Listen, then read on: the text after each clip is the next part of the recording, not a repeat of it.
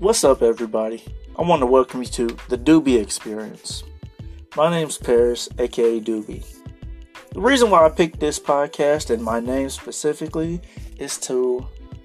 Nah, I'm just bullshitting. I want to have some fun. See, people always want to be, you know, professional and PC. Well, welcome to this channel where we don't do that shit. Not at all. We have everyday discussions on what's on your mind and what's on mine. See, I'm bored with the culture that is made up now. So, here on this channel, we gonna make our own. Welcome.